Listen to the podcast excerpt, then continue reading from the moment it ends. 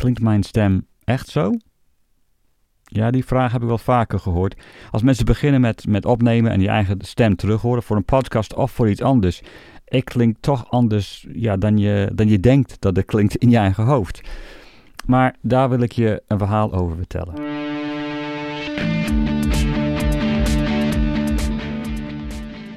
Toen ik eerst naar Nederland kwam, een van de dingen wat ik graag wilde doen in het begin was, was Nederlands leren.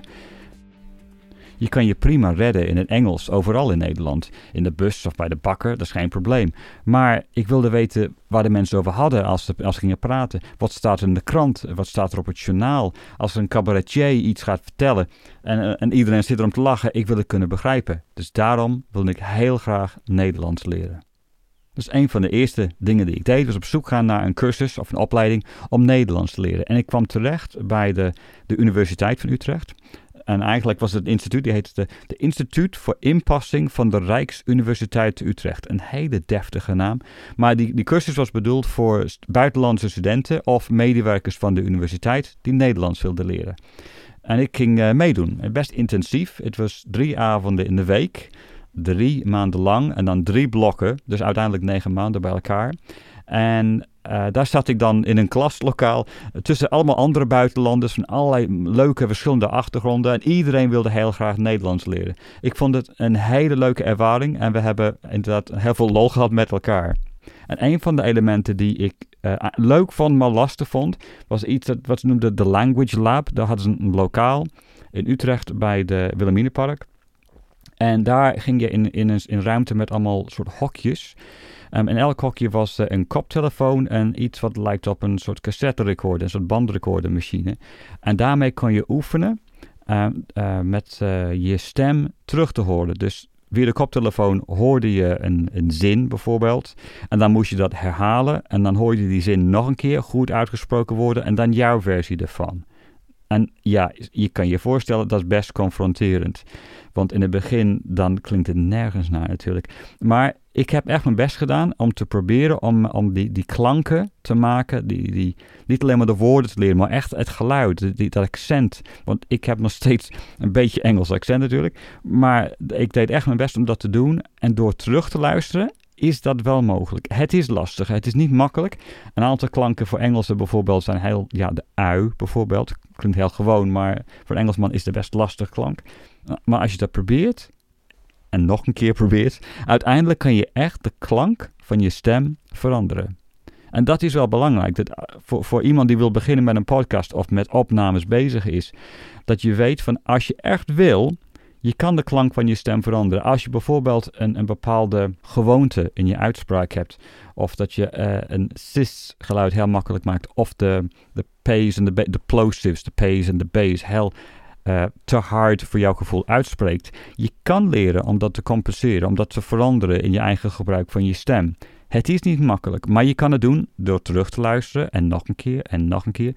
En als het heel extreem is natuurlijk iemand uh, om hulp vragen, van een logopedist bijvoorbeeld, dan kun je echt uh, door de controle op je, op je, je stem echt aan werken om dat te veranderen. Maar wat ik ook heb geleerd, um, wat ik zei over mijn Engels accent, je stem blijft altijd van jou. Je, je, kan, je kan wel bepaalde klanken veranderen en dingen aan werken om dat te verbeteren aan je uitspraak en zo. Maar het blijft altijd jouw stem.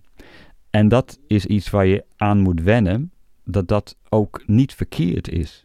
En de reden dat jouw stem anders klinkt als je een opname terughoort, vergeleken met wat je in je hoofd hoort terwijl je praat, is de manier waarop je hoort. De, de manier waarop de geluid uh, verwerkt wordt in je brein.